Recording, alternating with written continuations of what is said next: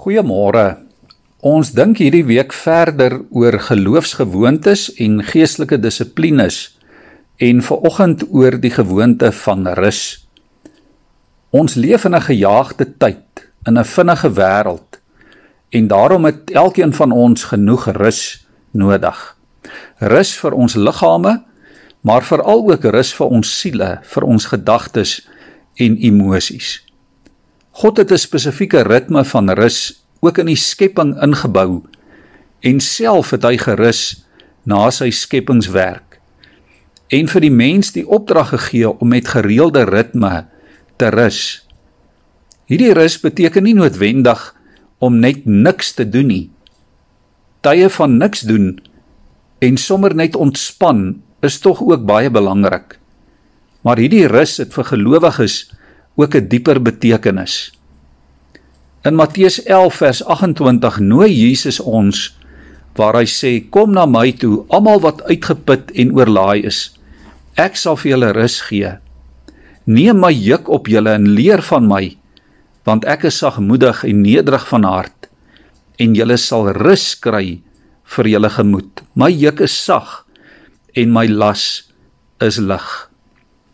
By die Here kan ons regtig tot rus te kom. Sy woorde troos ons. Sy sagmoedigheid en nederigheid verkoop ons. By hom word ons laste sagter en ligter.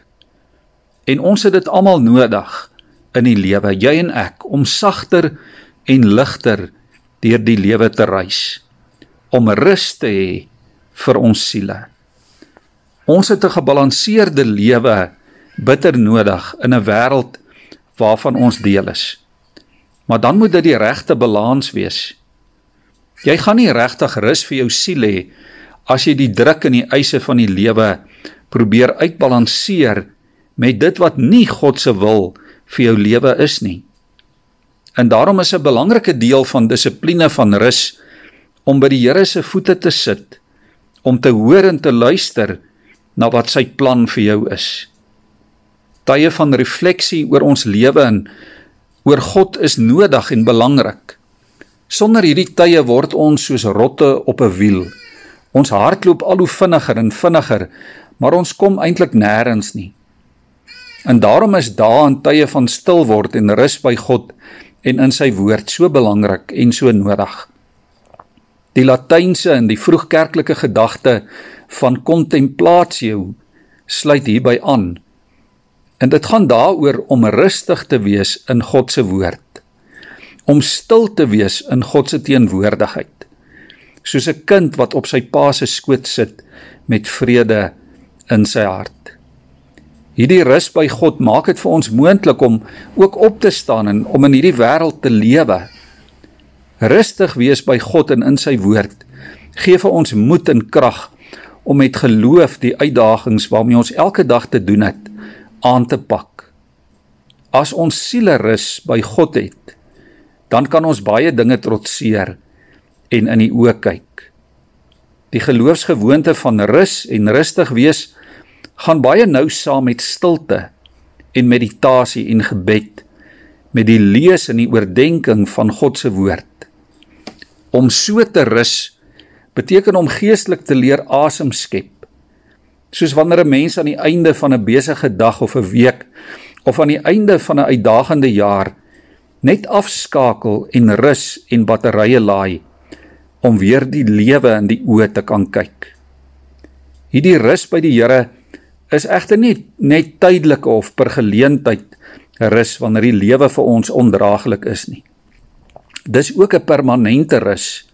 Dis 'n rustig wees, 'n vrede, 'n sekerheid dat alles reg is by God. Om so te rus is om regtig te lewe. Liewe vriende, kom ons maak in ons besige programme ook genoeg tyd om te rus. Genoeg tyd vir ontspanning ja. Gaan hou vakansie. Vat 'n naweek af, gaan stap in die natuur. Sit onder 'n boom of in die lekker laatmiddagsonnetjie en gaan soek jou rus in God by die voete van die Here en in sy woorde. Ek wil veraloggend vir ons 'n gebed van Jorg Zink voorhou. Kom ons sluit ons oë so saam en bid saam. Ek wil stil wees, Here, en op U wag. Ek wil stil wees dat ek kan verstaan wat in u wêreld gebeur. Ek wil stil wees om na aan die dinge te kom aan al u skepsels en hulle stemme te hoor. Ek wil stil wees dat ek onder die baie stemme u stem kan herken. Toe alle dinge in diepe swye gewag het, sê die woord, het van die goddelike troon, o Here, u almagtige woord gekom.